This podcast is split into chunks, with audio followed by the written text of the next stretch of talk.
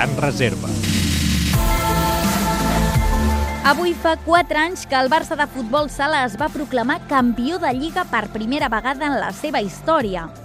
El conjunt de Marc Carmona va rodonir una temporada excepcional en guanyar el Caja Segovia per 3 a 2 en el cinquè i definitiu partit de la final, que es va jugar al Palau Blaugrana amb rècord històric de públic en un partit de futbol sala.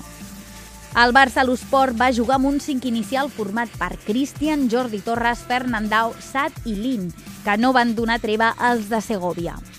Els golejadors blaugrana del partit van ser Sat al minut 1, Carlos Muñoz al minut 19 i Fernandau va marcar el tercer al minut 26. El Barça tancava així una temporada perfecta, la millor de la història de la secció, ja que acabava de guanyar la Copa Catalunya, la Copa d'Espanya, la Copa del Rei i aquella nit de diumenge aconseguia el trofeu més valuós, la primera lliga del futbol sala.